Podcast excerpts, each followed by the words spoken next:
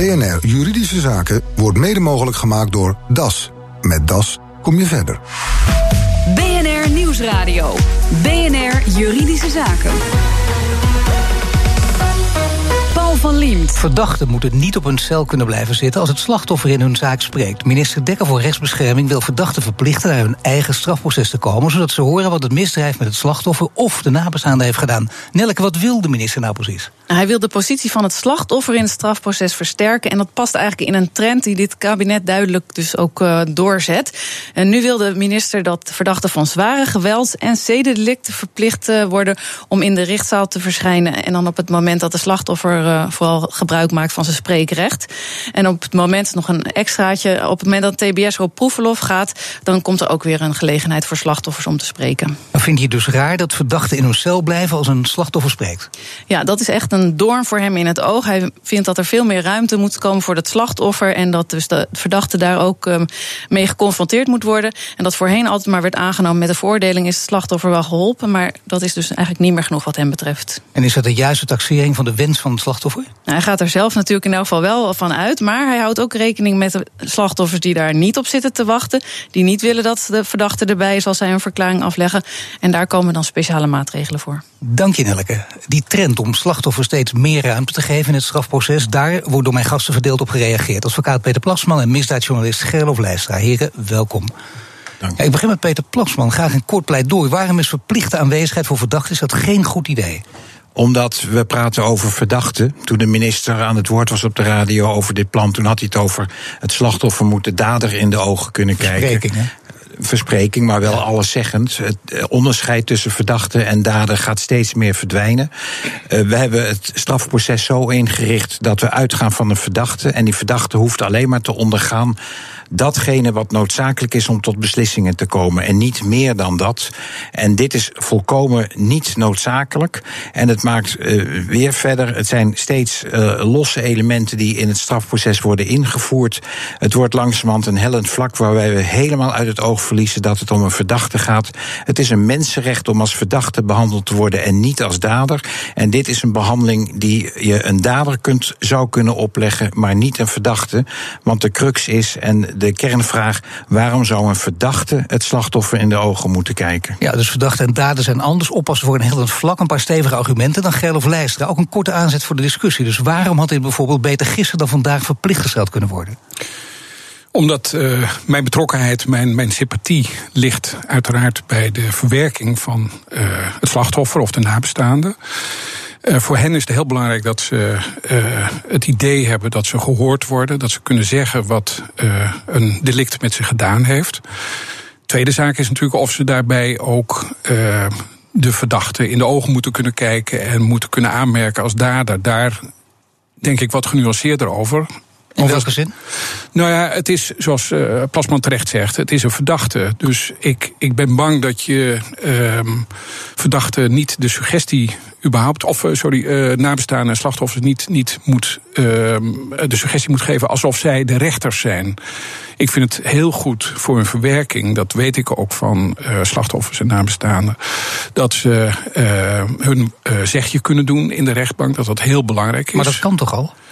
Dat kan, maar uh, het, het, lijkt mij wel belangrijk dat uh, de verdachte überhaupt bij een zaak is. Het, het ergert mij eerlijk gezegd verschrikkelijk, ook bij proforma zittingen, dat de heren, meestal zijn het heren, afstand gedaan hebben van hun recht om aanwezig te zijn. Wat mij betreft mag het uh, bevel ja, medebrengen. Nee, ik snap al die argumenten ook ja. op een rij natuurlijk, met enige nuance ook daarbij. Maar ik begrijp wel dat, dat begrijp ik juist helemaal niet zo goed hoe het nou zit. Want de een zegt, jij zegt dus het is niet zo duidelijk dat verdachten er niet altijd bij zitten. Dat vind ik gek, dat zou ze eigenlijk altijd moeten doen. Zeker. Maar uh, Peter Plasson, ik heb begrepen. Nee, uit, uh, überhaupt bij de zaak. Of, of iemand nou gebruik maakt van maar zijn of haar. Komt het, komt, ik, ik heb begrepen, juist Peter Plasson, uit uh, verhalen die, die je zelf ook eerder hebt gehouden, dat de verdachten in de praktijk bijna altijd bij zijn. Ja, en daarom is dit ook, dat is ook weer een bewijs van dat dit uitsluitend voor de bühne is. Bij zwaardere zaken zijn de verdachten gewoon eigenlijk standaard aanwezig. Het komt hoogst zelden nou, nou, voor nou, dat de verdachte ja, verstek dat, laat gaan ja. bij de inhoudelijke behandeling. Ja. En proforma zitting, het woord zegt het al voor de vorm. En het is, het is echt voor de vorm, daar gebeurt niks. Dat is, als je daar komt, is het een, vaak een hamerstuk van 60 seconden erin en eruit. En nogmaals, het is een verdachte. En waarom moet je een verdachte verplichten om dingen te ondergaan? Die niet nodig zijn voor de beantwoording van de, die op het bordje van de rechter liggen. En dat, de, de, dus uitgangspunt is, meneer, mevrouw, het zijn inderdaad vaak heren, u wordt als verdachte behandeld en dat betekent dat wij alleen maar datgene wat met, met u doen wat noodzakelijk is en niet allerlei poespas eromheen voor de bühne. En de volgende stap kan ik ook al voorspellen, dan kan het zo zijn dat het slachtoffer kan zeggen, ik wil niet dat de verdachte naar de zitting komt en dan moet hij in zijn cel blijven. Het is wat gechargeerd, maar we gaan de kant op dat er, dat er, steeds meer maar de volgende stap die hier voorspeld wordt, die gaat niet gebeuren. Dat weet Gerlof Leijstra zeker. Nou, nee, wat, wat gaat gebeuren, dat heeft de minister ook gezegd. Als een uh, nabestaande of slachtoffer het moeilijk vindt om uh, in de ogen van de verdachte uh, zijn of haar woord te doen, dan mag hij bijvoorbeeld ook het van tevoren opnemen op band. Er wordt de band afgedraaid of wordt afgeschermd in een, in een cabine, zoals dat ook bij getuigen, bedreigde getuigen gebeurt. Uh, maar nog even naar die proforma-zittingen. Helaas zijn proforma-zittingen zo langzamerhand bijna inhoudelijk. Ik was vorige week bij de zoveelste proforma-zitting van de zaak Jordi Latomahina. Voor de duidelijkheid even geen 60 seconden, dus uh, voortdurend. Ja, en die heeft uren geduurd. En dat, daar werd heel veel inhoudelijk uh, argumenten werden uitgewisseld. Ja, ik vind het alleen al van disrespect voor, voor ons allen getuigen... als je als verdachte daar niet bij maar wenst te zitten. Maar proforma-zitting komt het slachtoffer of de namenstaande helemaal niet aan het woord. Nee, weet ik wel. Dus waarom zou de verdachte daar dan bij moeten zitten? Wat, wat Omdat, de, uh, zoals bij die zaak van Jordi, daar zitten wel de nabestaanden in de rechtszaal. Uh, elke keer weer moeten zij maar afwachten hoeveel van de zeven verdachten komen opdraven. Voor de, voor de uh, verwerking is het heel goed. Ik kan me nog heel goed herinneren, 2004. u was toen advocaat van Mohamed Boudjeri, de moordenaar van Theo van Gogh. Ik zat achter de agenten die door hem onder vuur zijn genomen vlakbij het museum, dat park. die mensen zaten daar te huilen. Dat was nog voordat er een spreekrecht was voor de agenten. Nou, ik denk dat het voor de verwerking van die mensen goed was geweest als ze in de rechtszaal hadden kunnen zeggen wat het voor hun leven nou, betekent. dat, is, dat, dat zou best zo kunnen zijn. Dat zal in sommige gevallen zal dat zeker zo zijn. Maar het strafproces is niet primair gericht op het verwerking van aangericht leed door slachtoffers uh, en nabestaanden. Het strafproces is erop gericht om tot waarheidsvinding te komen en vast te stellen of de persoon die daar voor de rechter zit, of dat ook de dader is. En voordat je tot die vaststelling bent gekomen, moet je hem als verdachte behandelen. En dan moet je uitgaan van de onschuldpresumptie, wat een mensenrecht is. Dat hoort bij een eerlijk proces. Als u, zo stellig zegt, moet je dan ook van het spreekrecht voor slachtoffers af, wat in 2005 is geïntroduceerd? Ik vind dat, kijk, het spreekrecht voor slachtoffers was in eerste instantie bedoeld om slachtoffers te laten vertellen wat het, wat het feit mhm. bij hun had veroorzaakt. Was losgekoppeld van verdachte dader. Wat, is het, wat betekent het leed voor mij? Dat is nu uitgebreid vorig jaar, waardoor over alles gesproken kan worden. En ik vind dat er één groot manco is geweest bij die uitbreiding. Als je het strafproces dus wezenlijk verandert qua aard en het slachtoffer echt een hele sterke positie wil geven. En dat is wel wat de roep in de samenleving is hou dan oog voor de positie van de verdachte en trek het uit elkaar. Ga dan eerst beslissen. Dus spreek ik voor slachtoffers terugdraaien naar waar het voor begonnen nee, is? Nee, nee. Eerst beslissen in het strafproces: is de verdachte de dader? Daar heb je geen slachtoffer of nabestaande bij nodig. De rechter absoluut niet. Die is professional om over het bewijs te beslissen. En als je een eerst een beslissing hebt in eerste aanleg. Dus dan heb je een, een, een, een uitspraak van de rechter over het bewijs. De verdachte is volgens ons, zegt dan de rechtbank, de dader. En dan kun je in de tweede fase kun je het slachtoffer erbij laten komen of de nabestaande. En die laat je dan voor mijn part alles vertellen. Maar dan heb je in ieder geval een stap gemaakt vergeleken bij nu. Want nu heb je ook de situatie dat, die we gaan we krijgen dat het slachtoffer de verdachte in de ogen kijkt. Denkt dat hij de dader in de ogen kijkt. En twee weken later hoort, meneer wordt vrijgesproken, want het is de dader niet. Nou ja, dit pleit ervoor, als je het zo hoort, als je het zo bekijkt ook, Geloof Lijst, om het inderdaad in ieder geval keihard van elkaar te scheiden.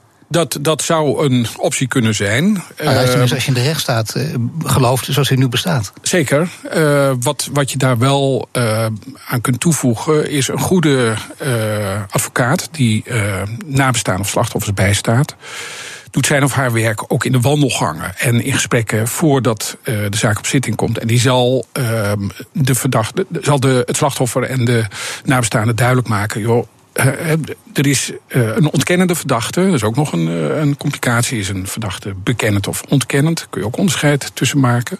Maar een goede advocaat bereidt de mensen erop voor. En maakt duidelijk van. Ga niet al te zeer ervan uit dat dit hem of haar is. Ehm, maar ja, bij. het hangt vanaf dat er. Dat plasman, er zijn niet genoeg goede advocaten. Jawel, maar dat werkt niet. Want de, de slachtoffers en nabestaanden. en die hebben het volste recht van spreken hoor. Ik bedoel, geen enkel mhm. verwijt in hun richting. Maar in dat spreekrecht wordt er ook gebruik van gemaakt? Wordt er ook flink gebruik van gemaakt? Ja, en er, er, voorbeelden wordt, van dan? Er wordt heel vaak ook gebruik gemaakt op een manier dat te beluisteren is. dat in de ogen van slachtoffers nabestaanden daar de dader zit. En dat is vaak een hele simpele redenering. Je zit daar niet voor niks, je zit daar niet wegens zweetvoeten. dus er moet wel wat aan de hand zijn. Maar mag alles? Mag je ook alles uh, dus ongegeneerd gaan schelden? Als je alles mag. Alle emoties mogen eruit. Nou, niet, schelden. niet schelden, maar ik vind als je tegen iemand uh, zegt die wordt vervolgd voor dood door schuld, terwijl dat nog dus niet vaststaat. Als je mhm. die al begint met moordenaar te noemen in de rechtszaak, dan ben je aan het schelden. En daar heb ik bij gezeten en dat werd gewoon toegelaten. En dat, dat is een, inmiddels een fundamentele weeffout in ons strafproces, dat dat helemaal door elkaar heen gaat ja, lopen. Iemand moordenaar noemen die verdachte is en, en het wordt niet rechtgezet. Is dat niet raar? Niet eens verdacht van moord, hè? Niet eens verdacht van moord. Ja, de voorzitter van de rechtbank zou daar iets van kunnen zeggen. of ehm, moeten zeggen, ja. Maar dat gebeurt in de praktijk heel weinig, omdat het ook weer heel lastig is voor rechters om in te dringen in de emotie van een slachtoffer of een nabestaande. En dat is ook invoelbaar. Dat is lastig om die af te kappen. Dus dan gaat het echt van, nou ja, laten we maar kijken hoe, hoe, hoe zich dit ontwikkelt. En is bijna een vorm van beleefdheid, uh, ja, en, over de empathie die naar één kant toe gaat. En, en mededogen. En, dat, en dat is terecht, dat mededogen. Maar het gaat door elkaar lopen. Ik, ik was dus vorige week bij de proforma-zitting uh, Jordi Latomahina, die parkeergaragemoord, de vergismoord zoals dat uh, heel dubieus wordt genoemd. Zijn doden gevallen, zijn vriendin ernstig gewond geraakt kind heeft het overleefd. Nou, de vrouw zit in de rechtszaal. Uh, ze zijn daar heel goed op voorbereid. De familie, de nabestaanden, door uh, Korver, Richard Korver en Yehudi uh, Moscovici voortreffelijk werk hebben gedaan. En als je daar maar op let, dan denk ik dat het voor de verwerking van uh, de nabestaande slachtoffers heel belangrijk is dat ze hun verhaal kunnen doen. Dan ik vooral als het gaat over zware delicten, dus Zeker, vooral in die Voor een fietsendiefstal moet je dit niet doen. Het is ook pas vanaf acht jaar, hè, als er een delict is waar maximale straf van minimaal acht jaar op staat. Uh, en nog een uh, zedenzaken uh, überhaupt. Maar, maar je moet zie geen enkel verschil tussen verwerkingsmogelijkheden als je eerst hebt vastgesteld dat de verdachte de dader is. Nee, dus dat, dat voorstel. Precies hetzelfde. en als de motie Plasman is aangenomen. Okay, maar als het uiteindelijk om de keuze gaat van wat is nou de functie van het strafproces en waarom doen we dat, dan vind ik dat uitgangspunt moet zijn dat we een rechtsstaat hebben met een onschuldpresumptie en dat andere belangen daarvoor moeten wijken. En als dat ook praktisch kan, en je hebt gelijk, u heeft gelijk als je zegt van je hebt de bekennende verdachte en de zaak is rond. Maar dan kan je ook via de advocaat van de verdachte horen. Nou, de twee fase proces, want zo noem ik dat. Mhm. Dat hoeft in dit geval niet. Doe het maar gewoon in één keer. Er zijn allemaal praktische mogelijkheden om dat wat uh, goed te laten verlopen. Goed, jullie beiden zijn in deel 1 tot elkaar gekomen. Kijken wat deel 2 gaat brengen.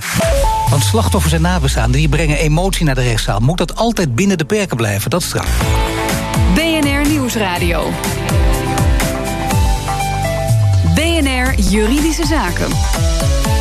Minister Dekker wil dat verdachten van zware gewelds- of zedendelicten verplicht luisteren naar slachtoffers die vertellen wat het misdrijf met ze heeft gedaan. Advocaat Peter Plasman en misdaadjournalist Gerlof Leijstra discussiëren over deze maatregel. Want als je het belangrijk vindt eh, voor slachtoffers om een emotie te uiten, eh, om aan te geven wat het misdrijf met ze heeft gedaan, dan kun je zeggen dat begrijpen we allemaal, maar is de rechtszaal daar eh, de geschikte plek voor?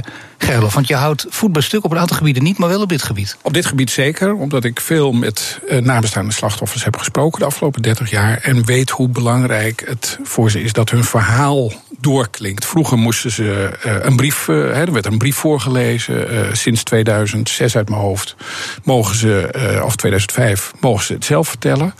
Het is voor de verwerking heel belangrijk. En, ehm, maar natuurlijk, op die plek, want je kunt het ook op andere plekken Juist op die plek. Het, het geeft ze het gevoel dat zij nog iets hebben kunnen doen voor degene die er niet meer is. Of die ernstig leed is berokkend, of hen zelf is ernstig leed berokkend. Het geeft ze eh, het gevoel dat ze grip hebben op de zaak. Dat is wat ik elke keer weer zie en hoor. En dat vind ik heel belangrijk dat daar recht aan gedaan wordt. Voordat we hier echt nog heel diep over doorgaan, eh, Peter Plasman, hiermee eens in het geval dat dit gewoon uh, al een vorm van catharsis is, dat het al heel plezierig is om het op die plek te kunnen uiten. Ik denk zeker dat dat voor heel veel slachtoffers en nabestaanden geldt, inderdaad. Ja.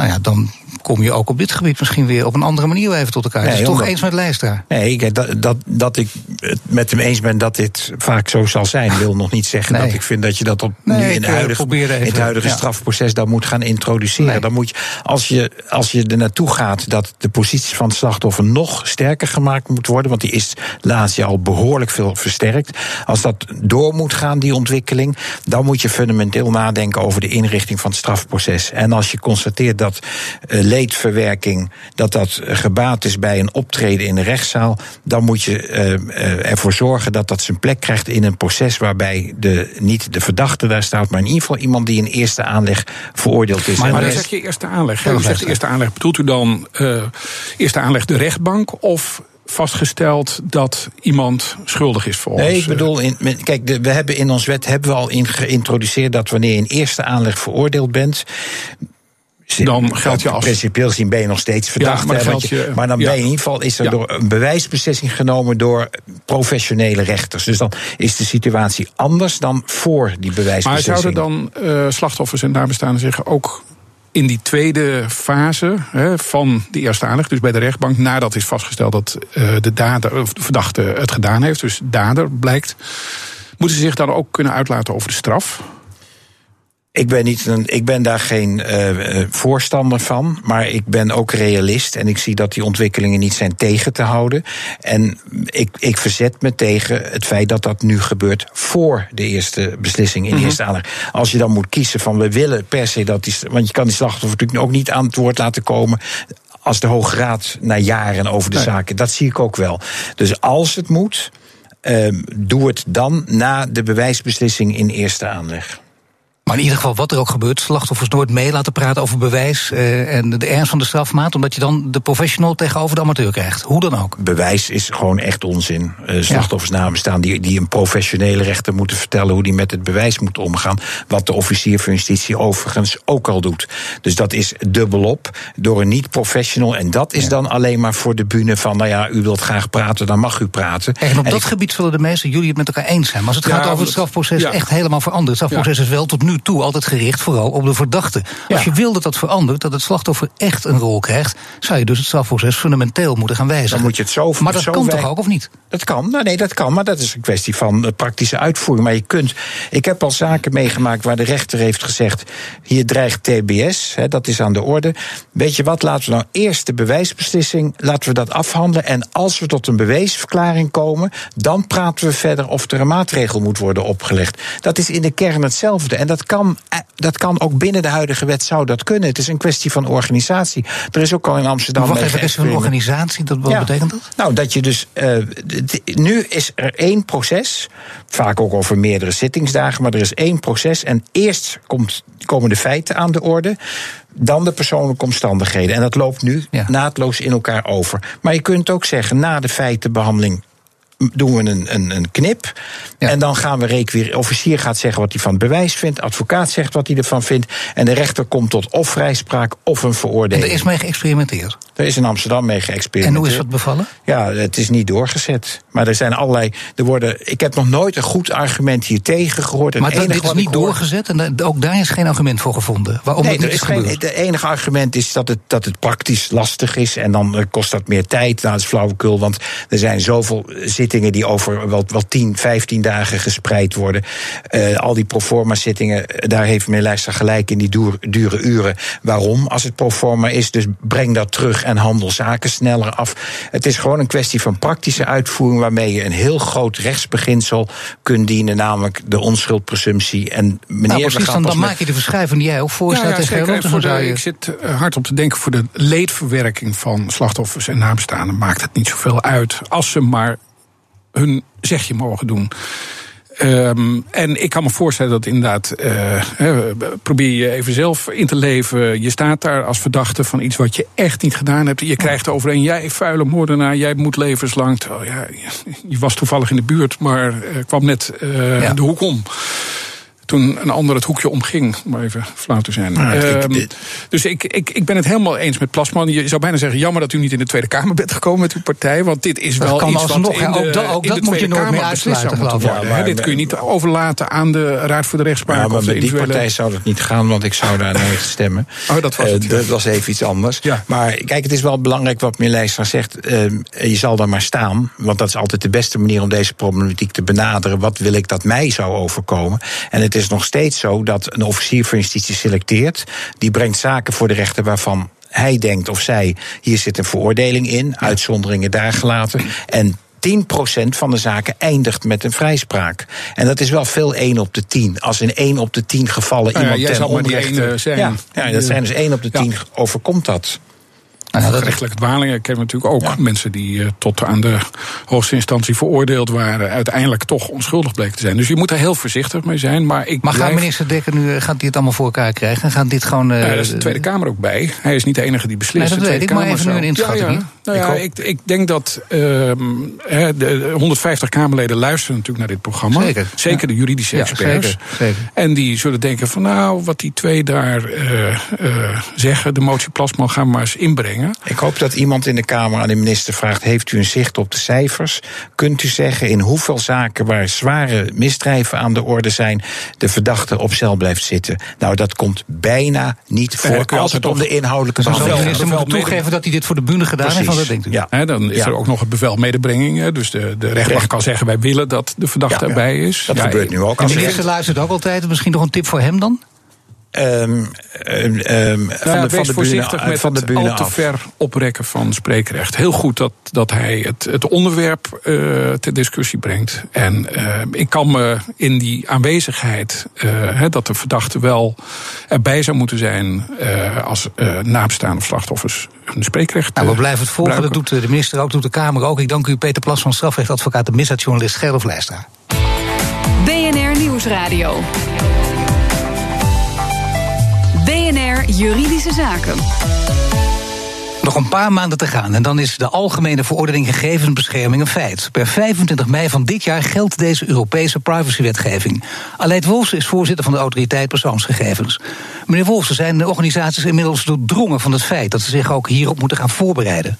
Steeds meer. We, zijn, eh, we merken dat we steeds meer mensen ermee bezig zijn, organisaties ermee bezig zijn. We zijn met, ook net met een grote voorlichtingscampagne begonnen.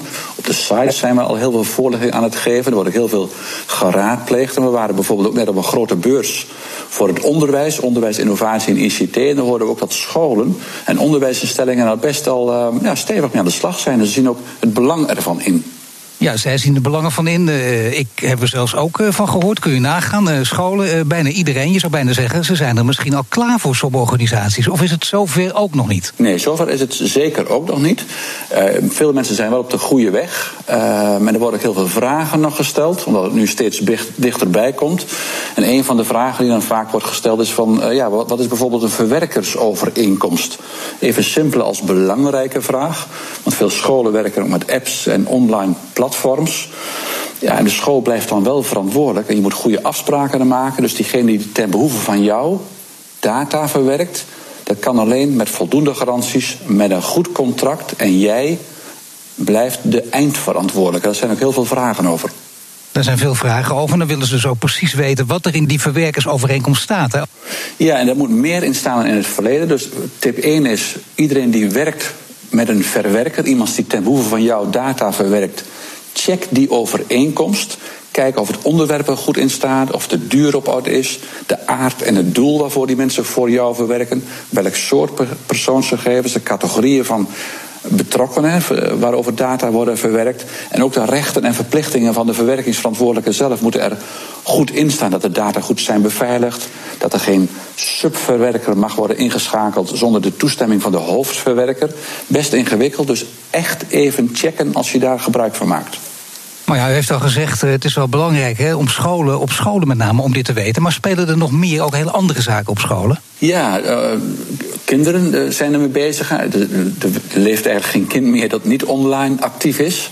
heb zelf laatst een paar weken geleden een les gegeven om een groep 8 op een lagere school, omdat we een lespakket hebben gemaakt en hebben ontwikkeld. Dat? is voor scholen. Ja, ging eigenlijk wel goed. Hoorde Verrassend. Nou, ik, ik was, ze waren muisstil. ze waren muisstil en zeer geïnteresseerd. En drie kwartier lang, dat is toch wel voor een groep 8 wel een bovenmenselijke prestatie bijna. En ze waren zeer geïnteresseerd. Ja, ja de autoriteit voor de klas.